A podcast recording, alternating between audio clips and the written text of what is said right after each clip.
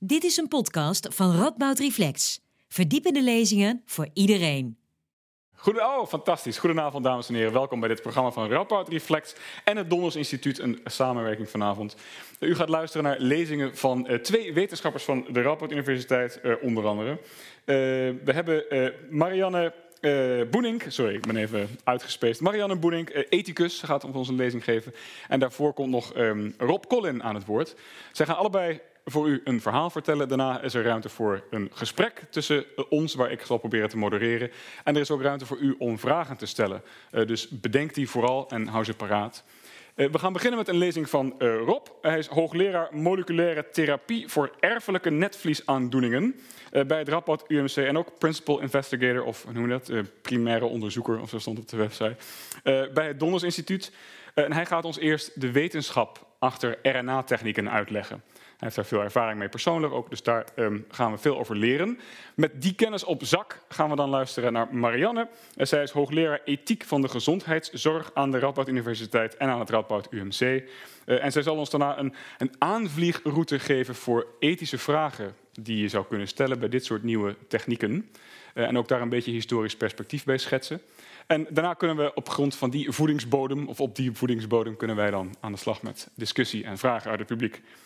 Uh, Rob is helaas door omstandigheden niet hier in persoon aanwezig, maar gelukkig hebben wij inmiddels veel ervaring met uh, online verbindingen. Dus hoewel deze bijeenkomst hier niet live wordt uitgezonden, u bent hier echt um, uh, erbij, zal ik het zo maar zeggen, is een van de sprekers wel op afstand. Rob is, als het goed is, op afstand nu ook aanwezig. Ik zie hem zelfs ook al hier, jullie inmiddels ook. Rob, welkom in de zaal, zal ik maar zo zeggen.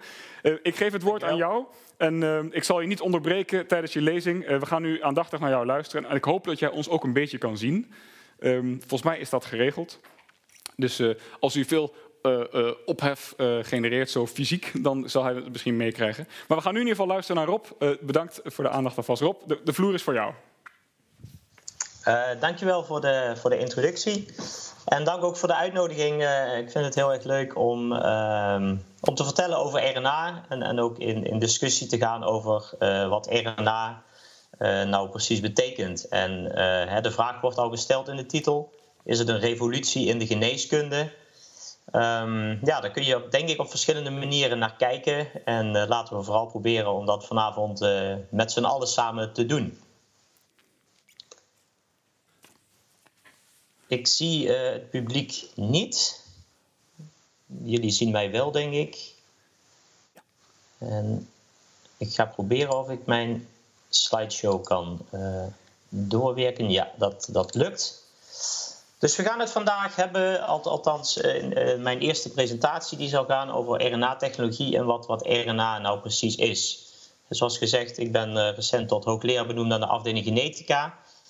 En uh, mijn onderzoek houdt zich bezig met het gebruik van RNA-technologie om uh, erfelijke blindheid uh, te voorkomen. Dus patiënten die door een, een, fout in hun erfelijk materiaal blind of slechtziend worden, die proberen wij door de toediening van RNA, proberen wij eigenlijk die defecten heel specifiek te herstellen. En daarmee te voorkomen dat ze hun gezichtsvermogen verliezen. En dat ze dus bijvoorbeeld niet van slechtziendheid naar volledige blindheid gaan. En de eerste positieve resultaten in patiënten, die hebben we daarmee ook uh, inmiddels al geboekt.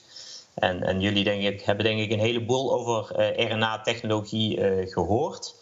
Um, ik kan jullie niet zien, maar misschien kan ik jullie wel horen. En, en, wellicht dat anders de moderator wel even bij kan springen. mag ik aan het publiek vragen wie al eens van RNA gehoord heeft? Hoeveel procent van het publiek is dat ongeveer? Nou, uh, als ik het zo bekijk, is dat 100% ongeveer. Ja. Oké, okay. en dan stel ik nu nog een vraag. Wie had uh, voordat uh, de COVID-vaccins die op RNA gebaseerd zijn, wel eens van RNA gehoord? nou, nog steeds een goede 90%, ja.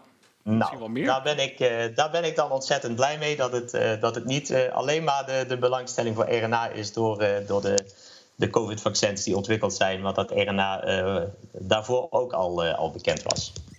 Goed, laten we beginnen.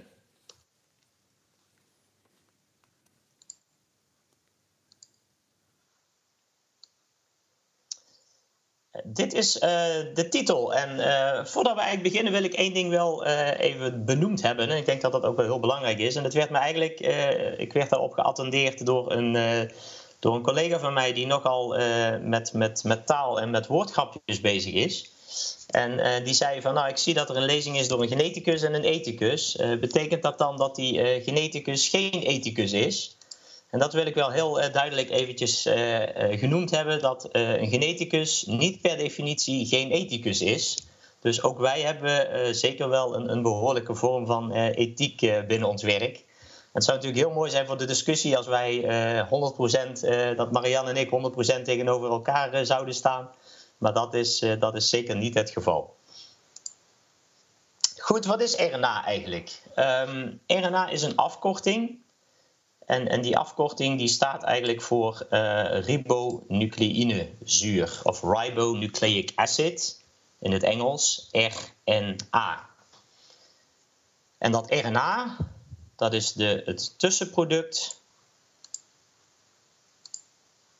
tussen DNA en eiwitten. DNA staat voor desoxyribonucleic acid, dus dat lijkt qua structuur heel erg veel op, op RNA. En vanuit ons DNA worden eigenlijk eh, RNA-moleculen gemaakt. En die RNA-moleculen die vormen weer het schabloon voor eiwitten.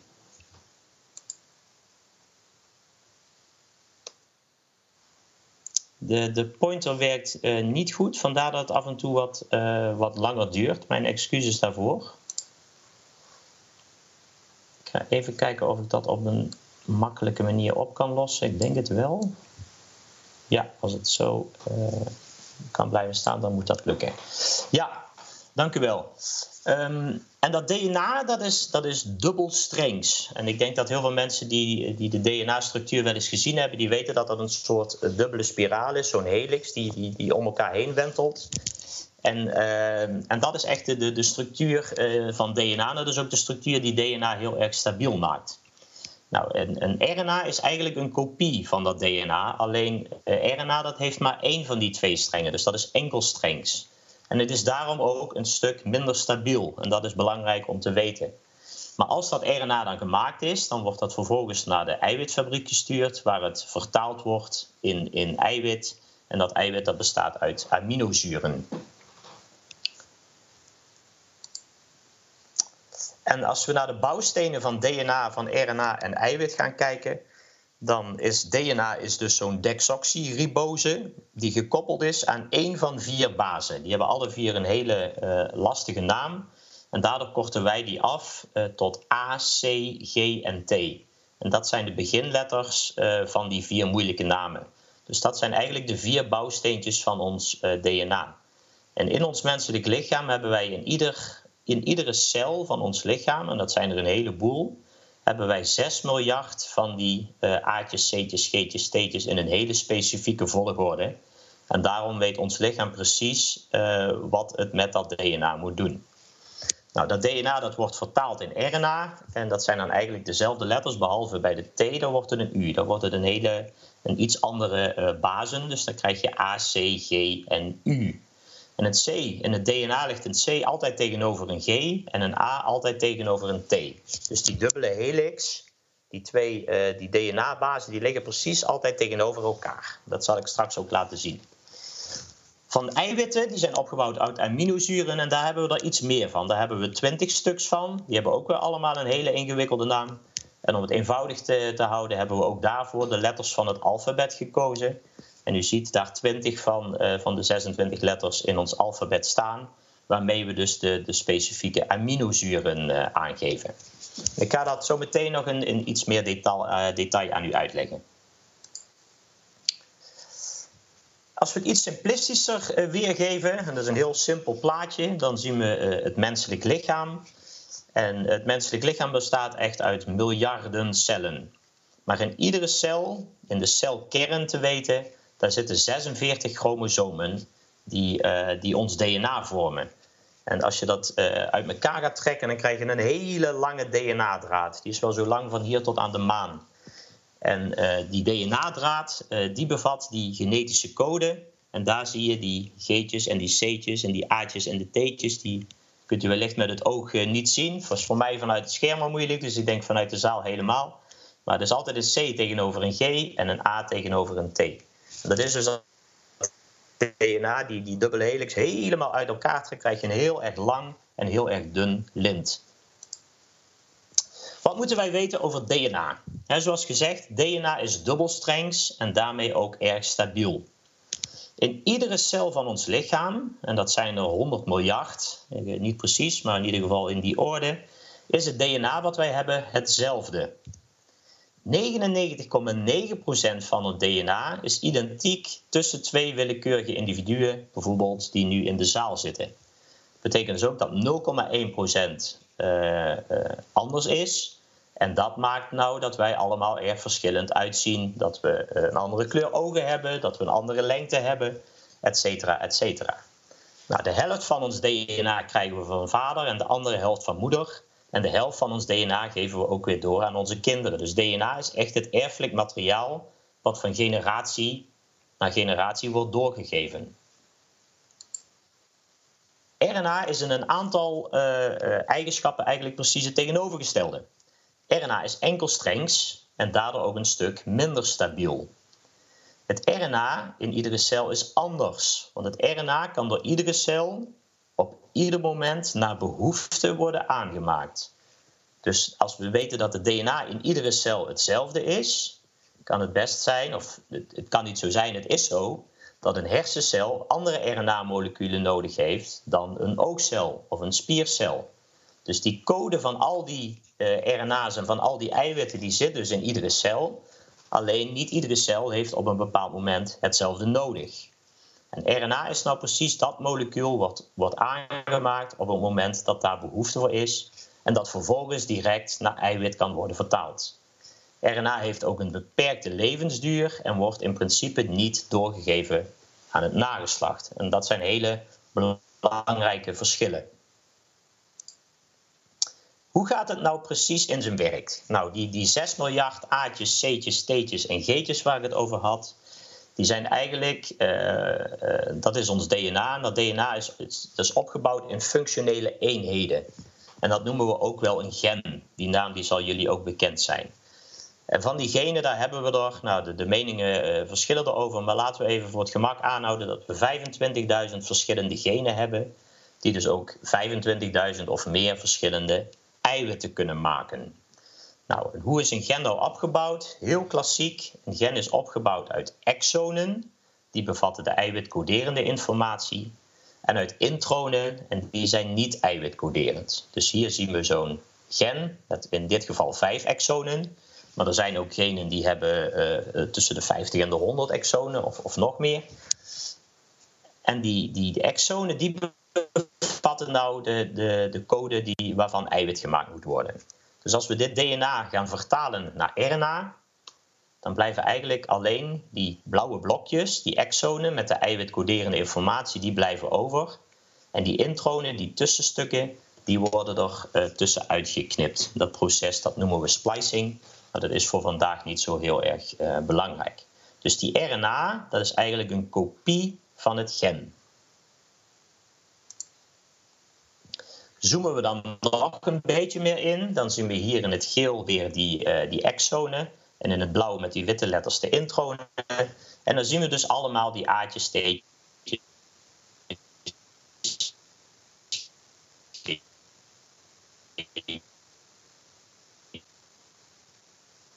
En dan blijven eigenlijk alleen die lettertjes die in die gele boxen zitten, die blijven over. Nou, en die kopie, die RNA-kopie, die heeft dus alleen maar die letters die die eiwitcoderende informatie bevatten. En ik heb hier voor het gemak, heb ik al onder iedere drie RNA-letters een streep gezet. Dus AUG zijn drie letters, en GCG zijn drie letters, en AAG zijn drie letters. En ga zo maar door. En nu komen we langzaam aan hoe dat RNA nou vertaald gaat worden in eiwit. Want het zijn groepjes van drie letters die ervoor zorgen dat één aminozuur wordt gemaakt. En dit gebeurt in de eiwitfabriekjes in de cel, maar buiten de kern. Hoe gaat dat nou in zijn werk? Daar hebben we een hele ingewikkelde uh, tabel voor. En dat is eigenlijk een tabel die, die ervoor zorgt van oké, ehm, als ik uh, drie lettertjes heb, welk aminozuur volgt daar dan uit? Dus de eerste letter, dat kan een A, een C, een G of een U zijn. Die tweede letter kan een A, een C, een uh, G of een U zijn. En die derde letter kan een A, een C, een G of een U zijn. En als je die drie letters dan achter elkaar zet, dan kun je er dus achter komen hoe jouw eiwit uh, er uiteindelijk uitziet.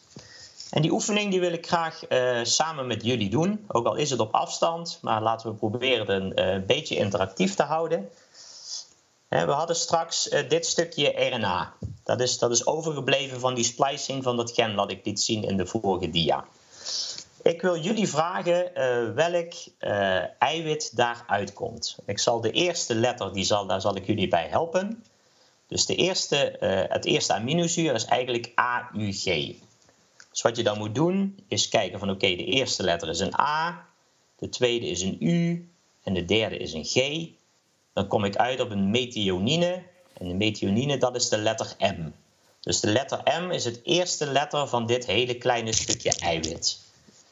En ik wil graag het publiek vragen, ik weet niet of er uh, mensen bij zijn die, die heel snel uh, dit kunnen bekijken. Als het niet lukt, dan uh, ik, we gaan geen vijf minuten wachten. Maar als er binnen een halve minuut of, of zo iemand is die denkt te weten welk woord ik gemaakt heb van, van RNA, dan, dan hoor ik dat graag via de, de moderator terug. Dus probeer, dit zijn in totaal zes letters. En daar heb ik een, een bestaand woord van gemaakt. Welk woord is dat? Ik, ik, hoor graag het antwoord. Volgens mij heb ik zelf een antwoord bedacht, maar ik laat vooral. Leuke puzzel. Ik hoop dat het zichtbaar is uh, voor, voor het publiek.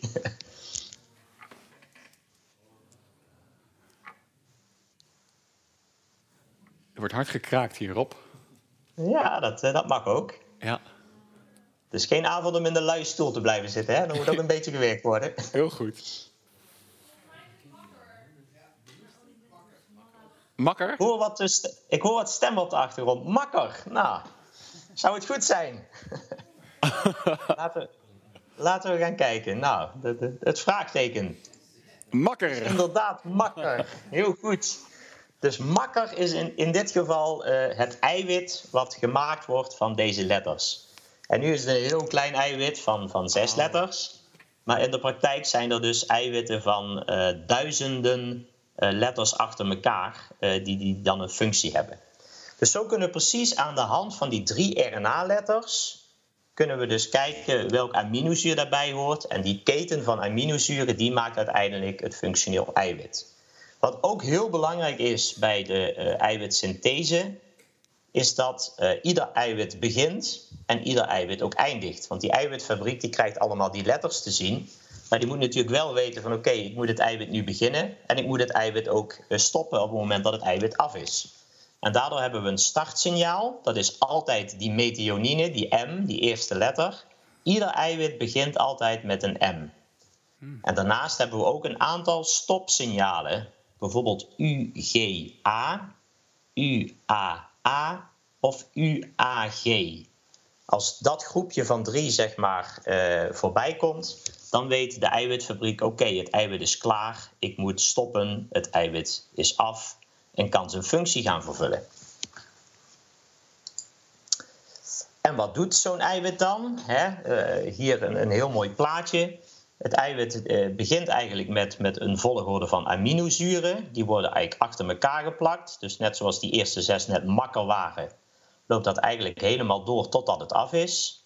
Vervolgens wordt dat eiwit gevouwen in een secundaire structuur.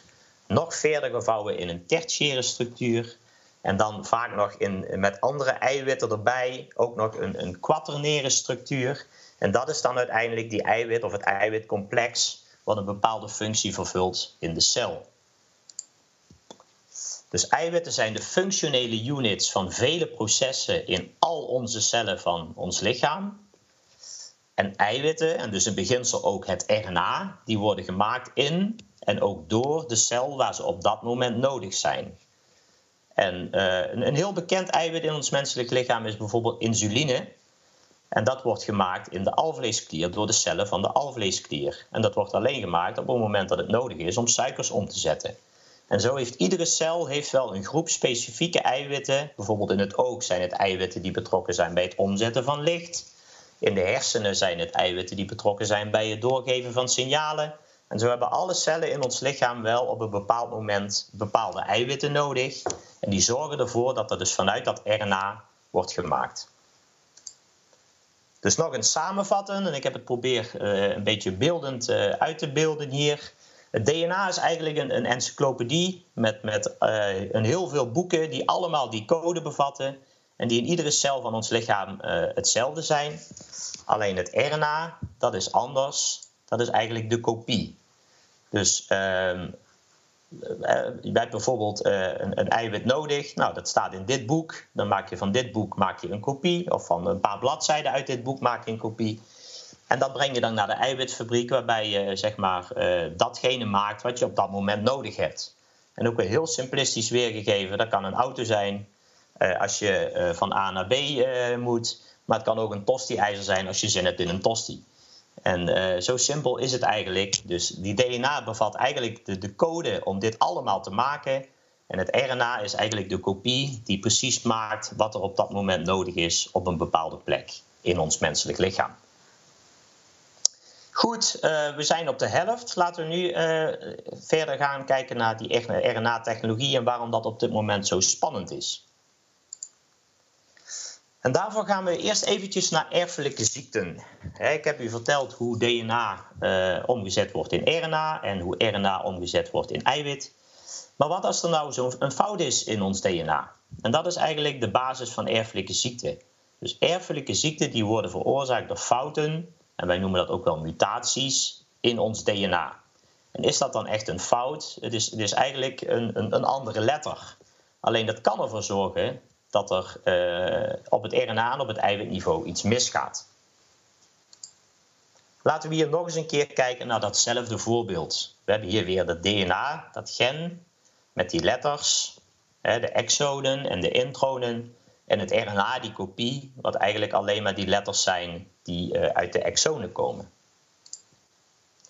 Maar wat nou als er een mutatie zit? En die mutatie is in dit geval een T op deze positie. Er zat net nog een, uh, moet ik even terugkijken, een A en nu is het een T. En die T, als je die gaat vertalen in het RNA, dan wordt dat een U. Op zich is dat nog niet zo'n heel groot probleem, zou je zeggen. Of er hier nou een, een A of een T zit en of er hier nou een A of een U zit, is dat nou zo heel belangrijk? Ja, dat is heel belangrijk. En waarom? Omdat UAG een stop is. Waar het net AAG was met de letter K, is nu UAG is in één keer een van die stopsignalen. Dat betekent dus als dit kleine stukje eiwit bij de eiwitfabriek komt, dat die M nog heel mooi wordt afgelezen, die A ook nog, maar die K die wordt eigenlijk al niet meer afgelezen, want de eiwitfabriek denkt van hé, hey, het eiwit is af, ik stop ermee. En daarmee wordt die makker, die wordt dus eigenlijk ma. En uh, ik, ik, ben heel blij dat, uh, dat mijn moeder uh, nog, nog heel fit is. Maar als ik mijn tuin ga verbouwen, dan heb ik toch liever dat de makker mij komt helpen dan mijn ma. Want mijn ma die gaat al richting de 70. En zo is het dus ook in, in die eiwitfabriek. Dat goede eiwit, dat is dus eigenlijk in één keer niet meer goed, omdat het tekort is. Of omdat bepaalde essentiële onderdelen van dat eiwit ontbreken. En als een eiwit niet werkt, dan kan een bepaald proces in de cel ook niet werken. En dan werkt je orgaan dus niet met als gevolg een erfelijke ziekte. Dus als een eiwit betrokken eh, in, de, in het netvlies niet goed werkt, kan dat tot blindheid leiden. En als een eiwit betrokken is, eh, wat belangrijk is in de spieren, niet goed werkt, dan kan dat tot een spierziekte leiden. En zo kunnen kleine foutjes in ons DNA hele grote en hele ernstige gevolgen hebben. Goed, eh, de laatste paar minuutjes wil ik wijden aan genetische technologie. Want als we weten uh, wat er nou misgaat bij patiënten, die, met een erfelijke ziekte bij ons in het ziekenhuis komen, die bij de arts komen, kunnen we dan uh, de genetische technologie ook gebruiken om die fouten te herstellen. Ja, dat kunnen we. De, technologie heeft de laatste jaren echt niet stilgestaan. En we kunnen op dit moment, en, en zeker in het laboratorium, al echt een heleboel. Nou, heel kort samengevat, wat kunnen we dan? We kunnen bijvoorbeeld gecorrigeerd DNA extra toevoegen aan de juiste cel in een patiënt. Stel dat dat makker-eiwit niet goed gemaakt wordt door een DNA-fout. Als wij dan de goede DNA-code van het makker-eiwit naar de juiste cel kunnen brengen, kan die cel dat makker-eiwit weer aan gaan maken en kan die cel weer gaan functioneren. Dat kunnen we op DNA-niveau doen, maar dat kunnen we ook op RNA-niveau doen. Ook RNA kunnen wij toevoegen aan de juiste cel op het juiste moment. En dan hebben we het over RNA-therapie. Dat eerste dat is gentherapie. En wat we tegenwoordig ook kunnen, en ik denk dat, dat velen van jullie wel eens gehoord hebben van CRISPR-Cas of gene editing, de Nobelprijs is daar zelfs voor uitgereikt eh, het afgelopen jaar, is dat we fout DNA uit de cel kunnen halen en daar correct DNA voor terug kunnen brengen op diezelfde plek. En dus eigenlijk dat die bibliotheek, die boeken, die encyclopedie kunnen herschrijven door de foutjes daaruit te halen en de goede letters ervoor terug in de plaats te zetten. Nou, het gaat vandaag over RNA, dus laten we heel even kijken naar, naar, een aantal soorten RNA-therapie. De eerste is de klassieke RNA-therapie, waarbij je dus dit enkelstrengs uh, RNA-molecuul naar de juiste cel brengt. Dat RNA-molecuul dat is een schabloon voor de aanmaak van menselijke eiwitten. Dus als er een tekort is aan een menselijk eiwit, dan kun je dat RNA eh, toevoegen aan de juiste cel en hopen dat die uh, cel weer eiwit gaat aanmaken. Daarnaast, en dat is iets wat we bij ons in het lab ook veel doen, is gebruik maken van antisense-technologie. RNA is enkel strengs, maar het heeft wel de eigenschap dat het ook uh, die C'tjes tegenover die G'tjes en die A'tjes tegenover die T'tjes kan zetten. Dus het kan ook aan andere RNA-molecuul binden als die maar precies tegenovergesteld zijn wat betreft uh, de volgorde. En, en, hier hebben we een voorbeeld waarbij er een schadelijk eiwit wordt gemaakt. En dat schadelijke eiwit, dat wil je eigenlijk, uh, wil je vanaf, want daar kan een cel niet zo goed tegen. En door bijvoorbeeld een antisens medicijn te ontwikkelen, zorg je er eigenlijk voor dat dat RNA niet afgeschreven kan worden, omdat het uh, afgebroken wordt, en krijg je dus niet meer dat schadelijk eiwit. Dus dit is een andere manier waarop je RNA-therapie kunt gebruiken. En tot slot, eh, ook uh, heel erg bekend, je kunt natuurlijk uh, zo'n schabloon voor de aanmaak van menselijke eiwitten maken. Maar je kunt ook een schabloon voor de aanmaak van virale eiwitten toedienen. En, en dan gebruik je RNA eigenlijk als, als methode voor, uh, voor vaccinatie. Dus dat RNA van bijvoorbeeld het COVID-virus, uh, één klein stukje eiwit van het COVID-virus, daar de code van wordt geïnjecteerd. Dat wordt in de menselijke cellen wordt daar eiwit van gemaakt. En dat eiwit, daar wordt een immuunrespons tegen gemaakt, omdat het geen menselijk eiwit is. En dan de volgende keer dat het echte virus binnenkomt, dan is je immuunsysteem eigenlijk al klaar om dat uh, virus te lijf te gaan. En dat is eigenlijk het principe van, uh, van de COVID-vaccinatie. Goed, nou heel kort nog, wat zijn nou de belangrijkste verschillen? DNA-technologie grijpt aan op DNA-niveau, dus in die bibliotheek. Het is een permanente oplossing daarmee, maar het heeft dus ook permanente neveneffecten. Dus als er iets misgaat, dan gaat dat ook permanent mis. En als voordeel heeft het natuurlijk dat een eenmalige behandeling waarschijnlijk uh, zal volstaan. RNA-technologie grijpt aan op RNA-niveau, dus op die kopie. Daarmee is het een tijdelijke oplossing, maar mochten er schadelijke gevolgen zijn of bijwerkingen zijn, dan zijn die ook tijdelijk en dus minder permanent. RNA is echter een stuk minder stabiel en we hebben heel veel geleerd hoe we RNA stabieler kunnen maken. Daarom staat RNA ook zo in de belangstelling. Maar het blijft uh, nog steeds zo dat, uh, dat een herhaaldelijke behandeling van chronische ziekte nodig zal zijn. Dus je zal toch iedere week of iedere maand, afhankelijk van jouw eh, ziekte en van je, je, toepassing, zou je zo'n RNA-behandeling moeten herhalen. Nou, de conclusies. Uh, de technologische vooruitgang is echt wel uh, enorm en maakt het in toenemende mate mogelijk om met behulp van DNA- of RNA-modificaties de oorzaken van ernstige erfelijke aandoeningen te corrigeren.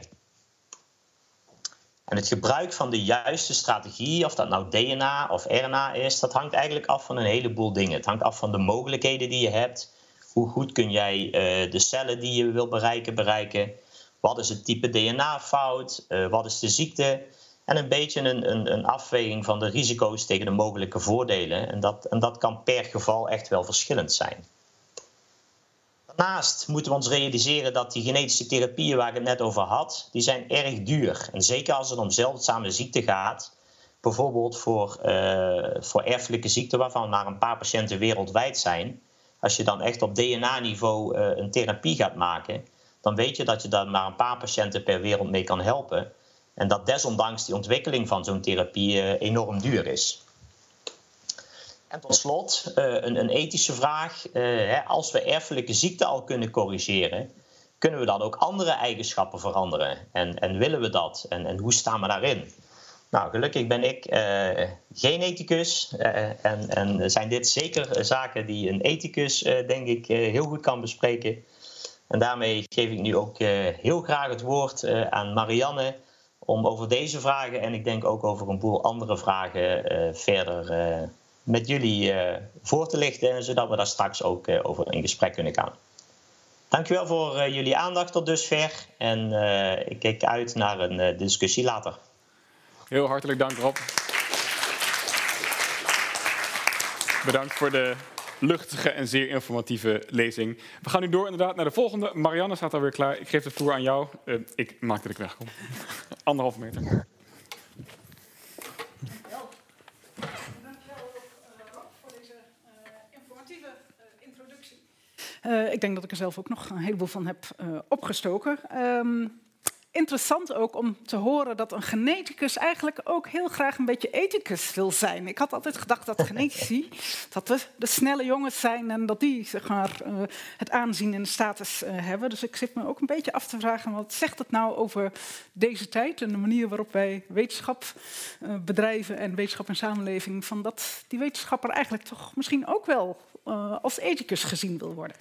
Wat op zich geen verkeerde ontwikkeling is, zou ik zeggen. Maar goed, uh, daar komen we straks op als we met elkaar in gesprek gaan. Um, mijn uh, taak was inderdaad om vandaag u in elk geval te attenderen op een aantal ethische vragen die je zou kunnen stellen rondom uh, RNA-therapie. Uh, maar ik zal er onmiddellijk bij zeggen, want toen ik hiervoor benaderd werd, van nou, dan moet ik me eerst eens even zelf goed in uh, die ontwikkelingen verdiepen, want het was ook voor mij nog geen dagelijkse kost. Um, wat we uiteindelijk uh, in het vooroverleg uh, bedacht hebben, is dat het eigenlijk zinvol is om uh, een soort historische terugblik te doen en deze nieuwe mogelijkheden ook te vergelijken met wat zijn nou andere mogelijkheden die we de afgelopen decennia voorbij hebben zien komen. En vooral ook van hoe zijn de ethische vragen bij die verschillende mogelijkheden dan, ja, hoe ontwikkelen die zich? Um, en dat is omdat als je kijkt naar uh, dat hele idee dat er sprake zou zijn van een, een revolutie. Uh, als je gaat googlen op revolutie in de geneeskunde, dan kom je echt niet alleen RNA-therapie tegen, maar ook allerlei andere technieken. sommige al van even geleden, maar ik denk dat vandaag de dag heel veel mensen ook zouden zeggen van nou, artificiële intelligentie is ook een revolutie in de geneeskunde.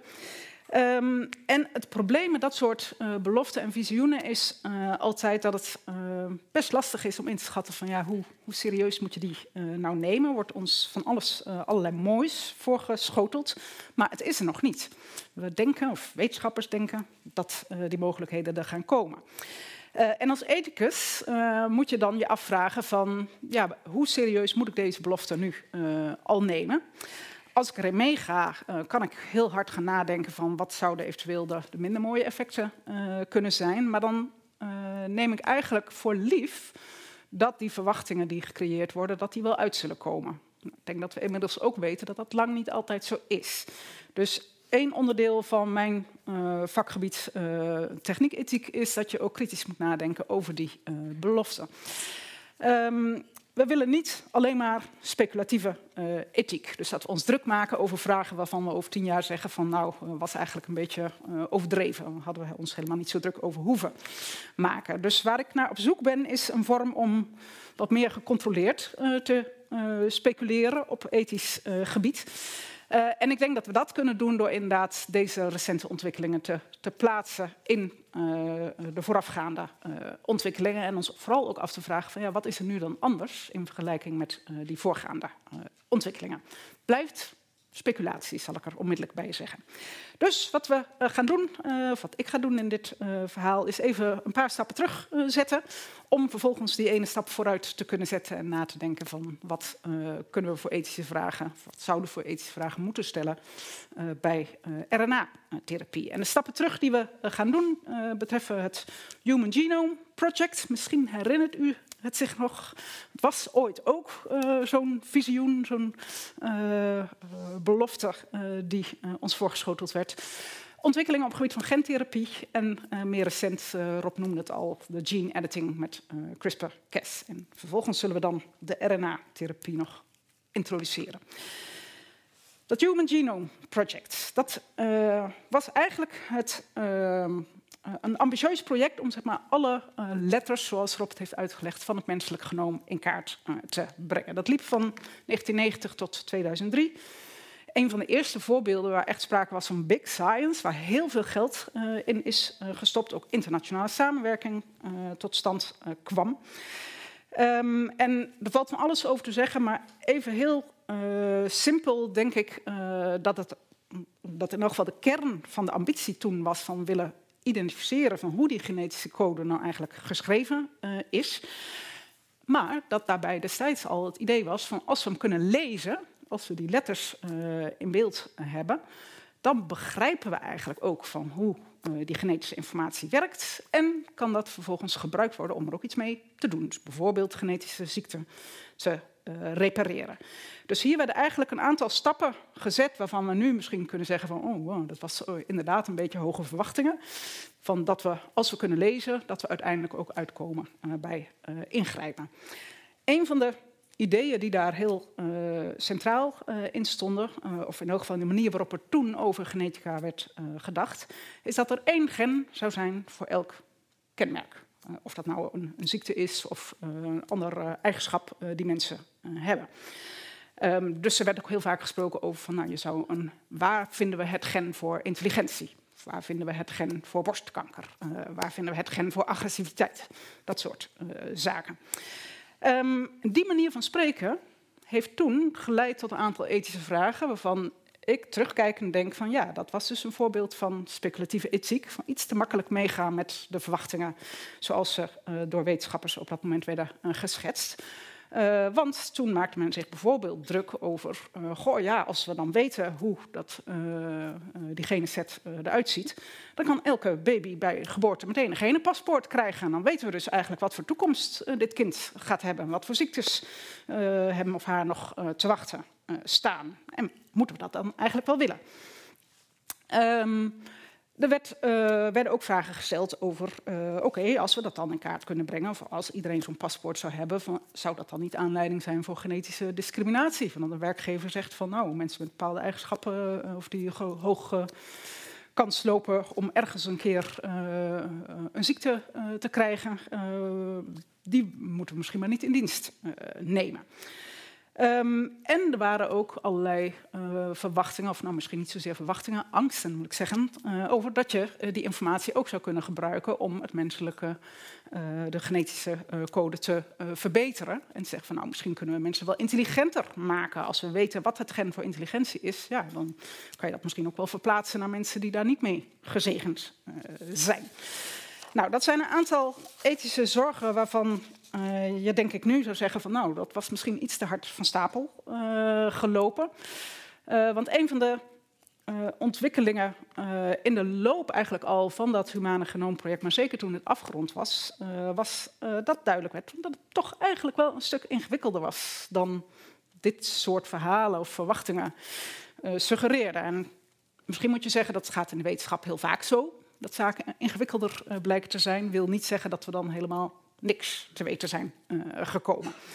Um, maar een van de lessen, denk ik, die uh, uit dat Humane Genoom-project uh, geleerd zijn, is dat het in elk geval zo is dat heel veel ziektes, dus als we het tot het medische domein beperken, dat die helemaal niet door één gen veroorzaakt worden, maar dat die, zoals het dan nu genoemd wordt, multifactorieel zijn. Dus dat kan betekenen uh, dat een gen uh, voor meerdere functies codeert, maar vooral ook dat genen onderling interactie met elkaar aangaan, dat genen met de omgeving, leefstijl van mensen interactie aangaan en dat daardoor bepaald wordt wat voor effecten uiteindelijk hebben. En in de loop der tijd zijn er eigenlijk ook in de moleculaire wetenschappen steeds meer kritische geluiden gekomen over dat idee van dat je uh, dat de invloed van genen eigenlijk altijd in één richting gaat. Dus je begint op dat hele kleine moleculaire niveau. Uh, dat heeft uh, invloed, of DNA heeft invloed op RNA, zoals we Rob net heb, hebben horen uitleggen. RNA heeft invloed op eiwitten, dat op de cel, et cetera, et cetera. er zijn nu steeds meer benaderingen die zeggen van ja, maar het gebeurt andersom ook. dus wat er wat de betekenis is van dat gen, ligt niet helemaal bij voorbaat vast alleen in die genetische informatie. Dat maakt ook uit van in welke omgeving uh, die genen uh, uh, komen. Um, dus wat we hier denk ik op zijn minst uit moeten meenemen, is dat in elk geval het aantal aandoeningen dat echt een eenduidige genetische oorzaak heeft, dat dat vrij beperkt is. Uh, en dat bijvoorbeeld ook bij uh, kankersoorten, dat dan niet uh, de overgrote aantallen borstkanker zijn niet eenduidig genetisch veroorzaakt. Dat is een kleine subgroep binnen alle gevallen van borstkanker. Um, betekent ook uh, dat het echt gericht diagnosticeren van een genetische aandoening en vervolgens ook het gericht uh, aanpakken van die genetische oorzaak, dat dat eigenlijk maar in een beperkt aantal gevallen mogelijk is. En dat het in het overgrote deel van de ziektes veel ingewikkelder uh, is. Um, en als je dan nadenkt over van, ja, wat betekent dat nou voor de ethiek? Nou, een aantal van die zorgen die ik net noemde, die kunnen we dus misschien wat lichter nemen. Of eh, kan je van zeggen, van het zal niet zo'n vaart lopen, want de wetenschap en techniek uh, zijn daar niet ver genoeg uh, voor. wil niet zeggen dat er geen ethische vragen te stellen zijn. Maar die liggen veel meer op het vlak van, ja, wat betekent het eigenlijk als wij mensen proberen, uh, als we toch zeg maar, in kaart proberen te brengen van wat voor genenpakket iemand heeft. Wat kunnen we mensen dan eigenlijk voor informatie geven? Um, en uh, uh, hoe ga je om met alle onzekerheden uh, die daar aan vastzitten? Want die informatie is dus niet zo duidelijk van u krijgt ergens in uw leven een keer borstkanker. nee, u heeft een enigszins verhoogde kans om borstkanker te krijgen. Met alle complicaties van dien voor wat je met dat soort informatie dan aan moet. Um, en laatste punt misschien op dat moment van het Humane Genoomproject en het blootleggen van het geno menselijk uh, genoom, kan je ook zeggen van ja, dit hele idee van genetische mensenbetering, waar uh, niet alleen ethici, denk ik, benauwd voor waren, bleef op dat moment in elk geval ook toch nog wel vooral een droom. Um, tweede stukje geschiedenis over de ontwikkeling van gentherapie. Uh, we hebben net al gezien van nou, misschien was gentherapie wel heel erg een idee dat gekoppeld is aan alleen die aandoeningen die uh, duidelijk door één gen, of mutaties op één gen, veroorzaakt zijn. Um, en de ontwikkeling van gentherapie is eigenlijk ook heel erg met horten en stoten gegaan. in de jaren 70 waren er al moleculair biologen die ideeën hadden van, oh, dat zou toch wel heel mooi zijn als we heel gericht onderdelen van uh, ons DNA zouden kunnen vervangen door het juiste onderdeel. Of, wel, of moet je het zeggen, DNA dat wel functie heeft die je wilt. Um, maar tegelijkertijd realiseerde men zich toen ook al wel heel duidelijk van ja, eigenlijk weten we lang niet genoeg van hoe dat hele proces van een genetische informatieverwerking nou eigenlijk in zijn werk gaat om daar al aan te beginnen. Dus vervolgens heeft het nog geduurd tot in de jaren negentig, uh, voordat men daar ook echt klinische experimenten met mensen uh, mee ging doen. Um, in eerste instantie met enig succes. Uh, er is bijvoorbeeld, volgens mij was het een vierjarig meisje toen met een immuunziekte heel succesvol behandeld. Maar enkele jaren later, en misschien herinnert u zich die naam nog, ik kon in elk geval dacht van ja, die heb ik toen ook al gehoord, Jesse Gelsinger. Uh, jongen van, ik meen, uh, eh, 18 met een erfelijke uh, leverziekte, die overleed aan, ja, aan de gevolgen van de gentherapie. En dat heeft toen eigenlijk heel veel gentherapieonderzoek toch op zijn minst tijdelijk stopgezet, omdat men dacht van ja, we weten hier dan toch nog steeds niet goed genoeg wat we doen. Um, vervolgens uh, zijn er wel allerlei ontwikkelingen geweest, en dat weet Rob eigenlijk beter dan ik, denk ik, van om zeg maar, de manier waarop uh, uh, die vervangende genen dan werden geïntroduceerd in de cel, om die veiliger te maken. met als gevolg dat er de laatste jaren eigenlijk weer medicijnen, gentherapeutische medicijnen beschikbaar komen. Alleen is het probleem daarmee van dat dat inderdaad vaak medicijnen voor hele zeldzame ziektes uh, zijn die echt peperduur uh, zijn. En de eerste daarvan, uh, Glibera, is ook commercieel gewoon echt geen succes geworden. Er is wel geteld één patiënt mee behandeld die niet zeg maar, dat in het kader van een trial, van het kader van onderzoek deed. Dus dat is echt wel een ding bij dit soort therapieën. Dat oké, we, we, lijken daar stappen in uh, te zetten in de mogelijkheden, maar uh, gaan we dit volhouden op deze manier? Dus uh, bij gentherapie kan je zeggen van wat we daaruit meenemen, of zouden kunnen meenemen aan ethische overwegingen, is dat we wel heel goed moeten kijken naar wanneer vinden we nou dat we genoeg informatie hebben om veilig experimenten op mensen te gaan doen. het maakt ook nog eens een keer duidelijk van dat dit soort interventies toch echt maar bij een beperkt type uh, aandoeningen, namelijk monogenetische ziektes, uh, bruikbaar is. Um, die vaak zeldzaam zijn en dat dat dan vervolgens dus tot allerlei kostenvragen uh, leidt. waarbij je denk ik wel als samenleving je af moet vragen: ja, mag nou het feit dat een bepaalde aandoening heel weinig voorkomt, mag dat een reden zijn om te zeggen: van ja, maar jou gaan we dan dus niet aan een therapie helpen? Het is jammer voor jou dat jij zo'n zeldzame ziekte hebt. Uh, nou, dat is een discussie over uh, weesziektes en weesgeneesmiddelen die je, uh, denk ik, als samenleving wel moet voeren. Laatste stop voordat we bij de RNA-therapie uiteindelijk terechtkomen. de gene editing, waarop het ook al over had en die eigenlijk heel recent opgekomen is. Inderdaad, afgelopen jaar de Nobelprijs voor de geneeskunde heeft gekregen. en dat is uh, een, een, vorm van ingrijpen uh, in het uh, genoom, waarbij we eigenlijk heel precies stukjes DNA weg kunnen halen en er iets anders weer in kunnen zetten. Dus het wordt heel vaak vergeleken met een soort copy-and-paste techniek. de beloftes daarvan zijn dat dat relatief simpel kan, dat het heel snel kan, dat je er precies mee kan werken en dat het ook relatief goedkoop lijkt te zijn in vergelijking met die eerder bestaande vormen van uh, gentherapie. Maar ook hier moet je weer realiseren van ja, dat kunnen we doen op het moment dat we heel precies weten van hier in het DNA gaat iets mis. En we weten dan ook goed genoeg maar wat we daarvoor in de plaats uh, aan letters uh, moeten neerzetten. dus ook hier kan je weer zeggen van ja, dat geldt dus voor die specifieke ziektes die een duidelijke genetische oorzaak hebben, dat wij dan volgens deze gene editing techniek zouden kunnen inzetten. Um, maar het interessante is, en dat is, vind ik wel echt een, nieuwe ontwikkeling, van dat uh, inmiddels ook duidelijk is uh, dat je uh, diezelfde therapie ook kunt gebruiken om bijvoorbeeld immuunrespons in het lichaam te modificeren. En dat is in feite wat Rob net ook al een beetje uitlegde. Um, en dat is uh, wat ook is gebeurd bij het eerste experiment uh, in mensen. Dat is gedaan met deze techniek, waaromheen uh, heel veel controverse is ontstaan.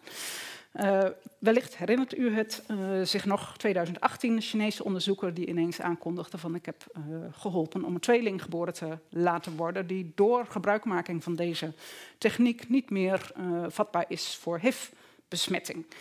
Nou, daar eh, viel vervolgens uh, vrijwel iedereen uh, over hem heen. Omdat de gedachte toen was van, ja, we weten echt nog helemaal niet genoeg hoe we deze techniek goed en veilig kunnen toepassen. Dus het is veel te vroeg om al experimenten met mensen te gaan doen. maar ook omdat er, om, dat je kan afvragen van, ja, is deze toepassing, dit doel, het beschermen tegen HIV, is dat nou waar je deze techniek voor moet inzetten? Of had dat misschien ook op hele andere manieren uh, gekund? Nou, wederom kun je van alles van vinden. Uh, ga ik nu verder niet uh, op in. Ik denk dat als we proberen snel in kaart te brengen zeg maar, wat nou eigenlijk de, de zorgen en bezwaren zijn die rondom deze techniek van gene editing naar voren worden gebracht, dan is het allereerst overduidelijk uh, dat we eigenlijk nog helemaal niet goed weten van wat die techniek nou precies kan en welke risico's daarmee gepaard gaan. Dus hoe effectief is het nou eigenlijk? Heeft het niet allerlei neveneffecten die nou ja, nare gevolgen gaan hebben die je niet moet willen? Ik gaf al een beetje aan, er is veel discussie ook over voor welke doeleinden zou je dit nou moeten toepassen als je het al wil doen. Dus zijn er niet heel vaak ook gewoon goede alternatieven die ingezet kunnen worden. Maar daarnaast zijn er ook hele fundamentele bezwaren rondom het ingrijpen in het menselijk genoom. Van, is dat niet een aantasting van menselijke waardigheid? en zou je embryo's niet moeten beschermen tegen dit soort ingrepen van buitenaf? Waar je dan nog vervolgens de vraag bij kan stellen van ja, als het al zou mogen, dat ingrijpen, van wie mag daar dan over beslissen? Want in feite, ja, het embryo zelf kan in elk geval niet beslissen over die ingreep. Dus er zijn andere mensen die besluiten dat dat embryo gemodificeerd mag worden. En kan dat dan eigenlijk wel? Um, je kan je afvragen van wat doet het met de oude-kind-relatie. Uh, dus als jij als ouder hebt besloten om je kind te laten modificeren, van wat betekent dat voor hoe je je tot dat kind verhoudt? En als dat kind vervolgens misschien helemaal niet zo blij is uh, met uh, de specifieke verandering, wat moet je daar dan mee? het zal niet de eerste rechtszaak zijn tegen wrongful life, heet het in het Engels volgens mij, van een kind dat ouders aanklaagt van ik had eigenlijk niet geboren moeten worden. Is al eerder voorgekomen. Um, en laatste setje uh, zorgen en bezwaren rondom de maatschappelijke uh, impact van uh, deze techniek. Van ja, als we dit willen toepassen, dan hebben we kennelijk een idee over welke eigenschappen wij onwenselijk of niet acceptabel vinden. En ja, waar trekken we die grens dan? En kunnen we het daar wel met z'n allen over eens worden? Of bestaan daar hele verschillende ideeën over? En stel dat we het erover eens zouden worden, betekent dat dan niet van dat de samenleving eigenlijk steeds minder divers wordt, omdat iedereen zeg maar, dezelfde eenheidsworst gaat produceren. is eigenlijk niet zo'n fijne metafoor in dit verband, maar goed. U begrijpt wel wat ik uh, bedoel. Um, en uh, ook hier weer vragen over uh, rechtvaardigheid, die vooral met kosten te maken hebben. hoe kunnen we garanderen, kunnen we dat garanderen, van dat iedereen gelijke toegang tot zo'n techniek zou hebben? Of gaat dit eigenlijk betekenen dat de mensen die al ja, veel sturing aan hun eigen leven kunnen geven, dat die alleen maar meer mogelijkheden geven en dat mensen die een beetje geleefd worden door het leven, dat die nog meer geleefd uh, uh, worden, of nog meer slachtoffer worden. En er zijn natuurlijk fundamentele vragen te stellen van ja, is dit nou het type onderzoek wat we willen financieren als we tegelijkertijd weten dat er nog een aantal mensen van honger omkomen om heel, in de wereld, om het even heel plat te zeggen. Dus rondom die gene editing uh, kan je denk ik zeggen van dat er in elk geval uh, ja, allerlei zorgen zijn rondom de veiligheid uh, van die techniek. En dat nou, het overgrote deel van wetenschappers en ook politici vindt van dat we hier nog niet de stap moeten zetten naar onderzoek met mensen. Um, maar er zijn ook allerlei zorgen over uh, de impact van deze techniek. Dus zowel de risico's zeg maar, op individueel niveau als de, de maatschappelijke impact die deze techniek kan hebben. En dat heeft ertoe geleid, eigenlijk in combinatie met het idee van ja, we zitten dan voor iemand anders te beslissen hoe zijn of haar DNA eruit gaat zien. Um, dat heeft ertoe geleid van dat er hele strenge eisen worden gesteld aan uh, alleen al het onderzoek naar deze uh, vorm uh, van therapie. Dus dit is echt een controversiële technologie. Nou, als je dat in je achterhoofd houdt en nadenkt over van wat doet nou die RNA-therapie en wat kan die RNA-therapie doen, nou, daar heeft Rob net het een en ander al over verteld. dan zou je eerste reactie eigenlijk wel kunnen zijn van goh, die RNA-therapie heeft eigenlijk wel een aantal voordelen in vergelijking met uh, uh, gene editing, verandering van uh, het DNA. en dat zit hem er deels in van dat het juist een techniek is, zoals Rob uitlegt, die je later in het leven kan toepassen. wat betekent dat mensen zelf daar zeggenschap over kunnen hebben, toe kunnen, zouden kunnen besluiten. Dus je hoeft niet meer voor iemand anders te besluiten. Um, het is ook inzetbaar voor aandoeningen die op latere leeftijd uh, ontstaan. En de effecten zijn dus tijdelijk, zoals Rob aangaf. Je, moet het altijd, uh, je moet het blijven herhalen, want uh, anders verdwijnt het effect ook weer. maar dat is misschien juist wel fijn als je nog niet helemaal zeker weet van wat die effecten nou eigenlijk gaan worden. Dus je zou ook kunnen denken, zoals sommige wetenschappers ook wel lijken te doen, van dat dat experimenteren met RNA-therapie misschien ons helpt om uiteindelijk die stap naar DNA-therapie te kunnen zetten. Omdat we hier in een veel gecontroleerdere omgeving kunnen ja, uitvinden van wat die veranderingen nou eigenlijk doen. Um, dus je zou kunnen denken van, hmm, in vergelijking met die DNA-editing heeft het eigenlijk wel een aantal voordelen, die RNA-therapie. Maar ik zou geen ethicus zijn als ik niet ook een aantal zorgen en bezwaren had bedacht.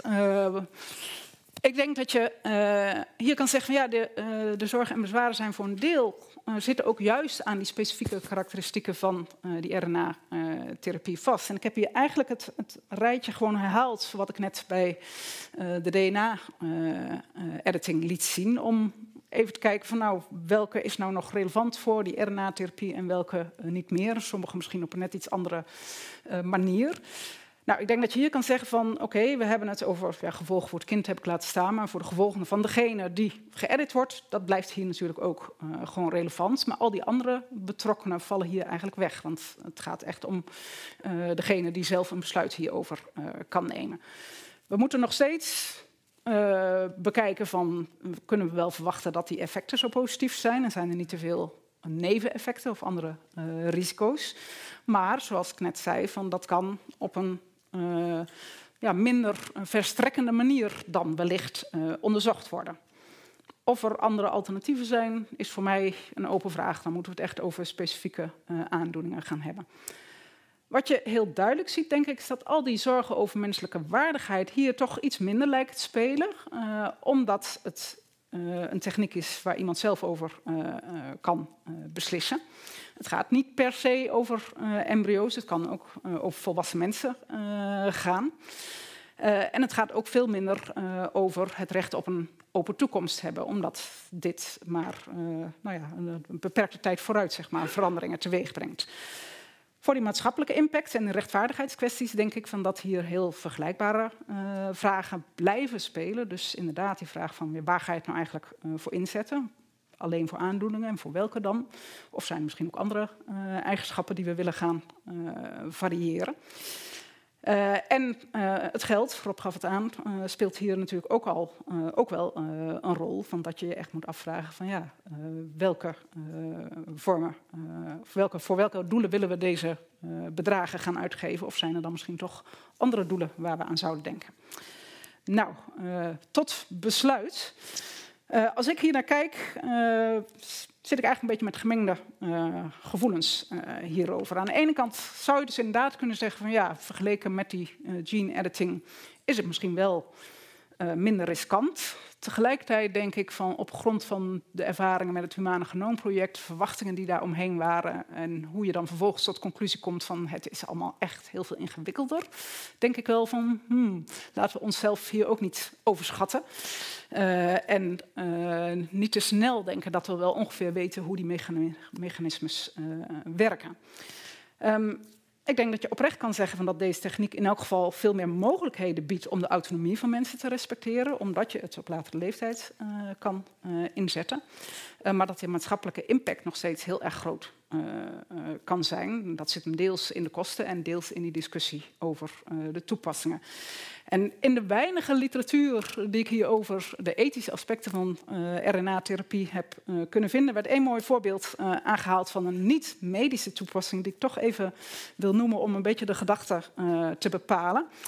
Daar werd eigenlijk gesuggereerd van ja, er zit tussen mensen zitten verschillen in hoe vatbaar ze zijn voor verwonding of botbreuken bij een ongeval. Dat is bekend zeg maar, waar uh, dat precies in zit. en dat zou je kunnen manipuleren met die RNA-therapie op het moment dat je denkt van ja, ik wil nu even iets, iets steviger zijn. Nou, dat kan zijn als je ouder wordt, hè, omdat je denkt van wordt nu vatbaarder voor botbreuken. Ja, is niet helemaal het goede woord, maar uh, ik zal, kan eerder een botbreuk krijgen. Dan is dat misschien een periode waarin je zo'n therapie uh, gaat toepassen. Maar je kan ook denken aan mensen die een beetje riskante hobby's hebben, motorrijden. Of aan militairen die misschien ook wel een beetje meer weerstand tegen verwonding en breuken kunnen gebruiken. Nou, dat is om even aan te geven aan wat voor soort toepassingen je zou kunnen denken. Nog iets verder uitzoomend, en daar sluit ik dan mee af, kun je denk ik zeggen van dat in elk geval deze ontwikkelingen ons echt dwingen. En dat is ook wel in het licht van de eerdere ontwikkelingen, ontwikkelingen, op het gebied van de klassiekere vormen van gentherapie. dat al die ontwikkelingen ons dwingen om als samenleving echt de vraag te stellen van... Ja, willen we al die dure therapieën echt gaan betalen? En zo niet allemaal, van hoe gaan we daar dan in hemelsnaam prioriteren? Van voor welke doelen wel en voor welke doelen niet? Uh, dat is een hele ingewikkelde discussie, die niet alleen maar met de aard van deze techniek te maken heeft, maar die daar wel heel sterk door uh, opgeroepen uh, wordt. Tweede fundamentele vraag: hoe gaan we in hemelsnaam bepalen van wat nou eigenlijk wenselijke of acceptabele eigenschappen zijn en waar mensen met recht en reden kunnen zeggen van ja, maar deze eigenschap die wil ik niet of die wil ik bij mijn kind niet meer. Uh, en het laatste is misschien wel de moeilijkste, van hoe gaan we als samenleving de verantwoordelijkheid nemen om soms toch ook te zeggen van ja, dit kan wel, maar dat gaan we toch maar niet doen. En als een techniek er eenmaal is, is de situatie echt veranderd. Want iets wat eerder zeg maar, het lot of de natuur was, is dan een keuze geworden. En dat betekent ook van dat je soms moet zeggen van ja, dit gaan we, nou ja, nee, dit gaan we niet uh, doen. Ik weet niet, misschien formuleer ik het iets te hard als ik zeg van dat je dat soms moet zeggen.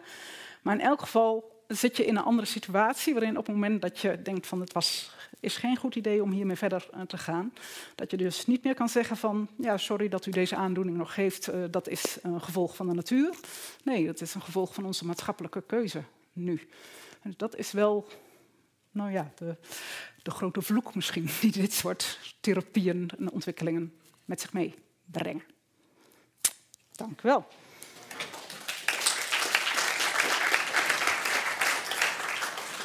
Heel hartelijk dank, Marianne. Echt een uh, prachtige aanvliegroute voor het gesprek dat we nu kunnen gaan hebben. Ga zeker erbij. Oh, ik pak eventjes de klok, zodat ik daar als moderator een beetje een oogje op kan houden. Uh, ja, we gaan uh, best wel rap, zie ik. Um, voordat ik u het woord geef, want ik begrijp dat het veel vragen oproept. Um, uh, oh, en ik zie Rob ook weer. Misschien even een korte vraag, toch nog even voor, voor begrip. En ook dan meteen iets om uh, speculatieve ethiek een beetje de kop in te drukken. Maar om te beginnen even een heel, een heel echt een kennisvraag, denk ik, Rob. Want ik denk dat veel mensen in de zaal inderdaad recent al gehoord hebben van RNA in de context van het COVID-vaccin. maar daarvoor ook al. Alleen wat je tegenwoordig leest vaak is over mRNA-vaccins. Maar is dat in alle gevallen hetzelfde als... is mRNA-techniek hetzelfde als RNA-techniek? Omdat RNA nu eenmaal een messenger uh, element is? Ja, goede vraag. Um, RNA is eigenlijk een, een, verzamelterm van verschillende soorten. Ja, er zijn verschillende soorten RNA. En mRNA, dat is eigenlijk het RNA wat, wat de boodschapper is tussen DNA en eiwit. Dus dat voorbeeld wat ik liet zien over RNA, dat is mRNA. En daarnaast heb je ook nog een aantal soorten andere RNA die niet uh, voor eiwitten coderen, maar die wel belangrijk zijn voor het menselijk lichaam. Oké, dus, in de, ja. dus in de context van vanavond hebben we het over mRNA in feite? Ja, ja. Oké. Okay. Uh, ja, en dan de volgende vraag, en dat is eigenlijk ook een aan jou, maar wel een direct ingegeven door, door Marianne. Scherpe punt dat ze zegt: laten we voorkomen uh, dat we hier speculatieve ethiek gaan bedrijven. Um, Marianne noemde al een voorbeeld van wat misschien kan of zo. Uh, dus een, een, een, een, een RNA, een RNA techniek toepassen om mensen minder vatbaar voor botbreuken te laten zijn. Om even in te kaderen onze discussie uh, uh, en dat we niet met de meest absurde uh, scenario's aankomen. dus waar moeten wij nou ethisch gezien over na gaan denken? Wat, zijn realistisch gezien in jouw optiek, en ik weet dat dit natuurlijk de meest moeilijke vraag is, maar wat kunnen we gaan doen met dit soort technieken? Wat zijn de meest extreme dingen die je voor je ziet waar we dan nu wel realistisch gezien over na moeten gaan denken? Ja, dat, eh, dan, dan ga ik het echt vanuit de technologie benaderen. En dan, dan denk ik toch dat dat een heleboel is. En, uh, en, en wat dat dan precies is, dat wordt vooral uh, bepaald, denk ik, door, uh, ja, door menselijke integriteit, door, door regelgeving. Ehm, en, en, en binnen het Radboud UMC en binnen, binnen de, de medische wereld wordt RNA-therapie vooral gebruikt om, om ziekte te behandelen. Dus dus de, de, kleine groepen erfelijke aandoeningen waar, waar je heel duidelijk weet van oké, deze, deze DNA-fout die leidt tot ziekte en, kan ik daar met, met behulp van RNA-technologie iets aan doen. Dat is de meest voor de hand liggende en dat is ook de, de meest vergevorderde. Maar het is ook helemaal niet onrealistisch om bijvoorbeeld te denken, hè, we, we kennen allemaal de dopingverhalen binnen de sport, dat je mRNA gebruikt om in een korte periode, bijvoorbeeld net voordat je een piekprestatie moet leveren, om eh, de code van een bepaald eiwit wat jou extra kan laten presteren, om dat op de mRNA daarvan in te spuiten en dat eiwit te laten maken en, en dan die, die topprestatie te doen. En later is het RNA weer verdwenen en is het niet meer detecteerbaar. Ja. dat, ik denk niet dat dat een, een, een onrealistische mogelijkheid is. En, en zo zijn er. dus ik denk dat je een beetje in die ja, scope moet denken van wat er kan. En een aantal dingen uh, mogen wel wettelijk gezien en een aantal dingen mogen niet wettelijk gezien. Maar dat betekent niet dat ze niet gebeuren. Ja, ja. Oké, nou, dit, dit schetst een mooi beeld. Ik heb nu al zin om sneller te gaan fietsen zometeen. Uh, met een pilletje van de supermarkt. Nou ja, dat, dat, dat, goed, daar moet dus een maatschappelijke discussie over komen. Um, misschien dan nog een vraag uh, over uh, een belangrijk verschil dat jullie beiden uh, schetste tussen uh, DNA-technieken of gen-editing technieken en, echt, uh, en, en mRNA of RNA-toepassingen. Jullie hadden het allebei over de tijdelijkheid. En in jullie beide presentaties zag ik iets staan als ja, dit is in principe tijdelijk. Of het is, zijn, de effecten zijn meer tijdelijk of minder permanent. Uh, maar er zijn wel degelijk natuurlijk ook uh, permanente effecten van het ondergaan van een behandeling met een mRNA-medicatie. Bijvoorbeeld zoals, zoals met het COVID-vaccin, waar je dan weliswaar tijdelijk RNA in je lijf hebt. Maar dat heeft een permanent gevolg, namelijk dat je uh, je, je immuunsysteem nu snapt hoe het om moet gaan met een COVID-besmetting. dus wat zijn het soort. Um, uh, is zeg maar zo'n vaccinatie de enige vorm waarin een RNA-behandeling een permanent effect kan hebben? Of zijn er nog veel meer toepassingen van RNA die weliswaar een tijdelijke werking hebben, maar daarna een permanent effect? Ja, die, die zijn er wel, denk ik. Hè. Uh, allereerst denk ik, uh, en dat hoor je natuurlijk ook in de. Ik ben geen immunoloog. Maar ik denk, ik denk niet dat uh, de, de, de, immuunreactie tegen COVID dat die, uh, levenslang is. Precies. dus uh, er zal best een immuunrespons komen. En, en bij, we weten niet precies hoe lang die immuunrespons is. Maar het feit dat er nu al wordt nagedacht voor, voor een boostervaccinatie voor ouderen. dat geeft wel aan dat, dat die vaccinatie die ze al eerder hebben gehad, dat dat geen vaccinatie is die jarenlang voor een verhoogde immuunrespons zorgt. Hè?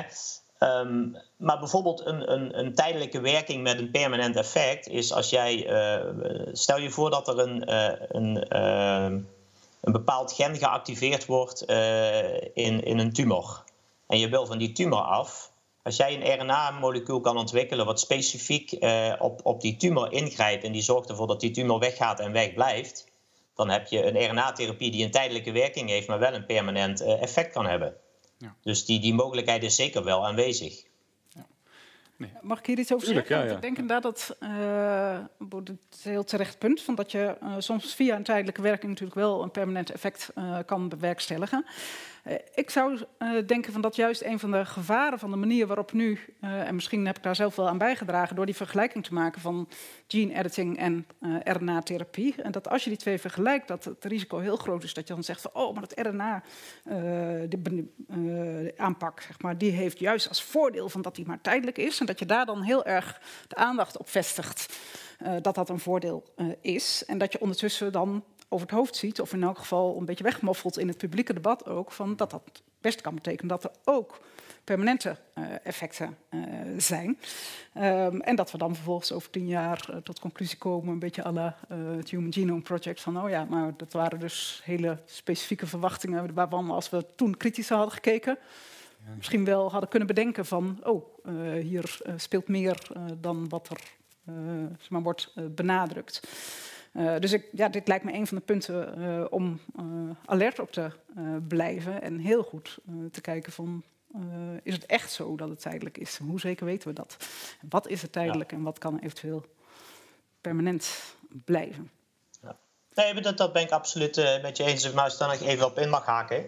Hè, het is natuurlijk wel zo dat ehm, hè, op het moment, uh, tenminste dat zoals ik het als wetenschapper zie, je hebt, uh, je hebt een probleem en dat probleem dat, dat vergt een oplossing. En binnen, die, binnen het zoeken naar die oplossing moet je gewoon een hele goede balans zoeken tussen de mogelijke risico's ten opzichte van de mogelijke voordelen. En, uh, en die kun je vaak redelijk goed voorspellen, maar dat kan nooit tot, tot in detail.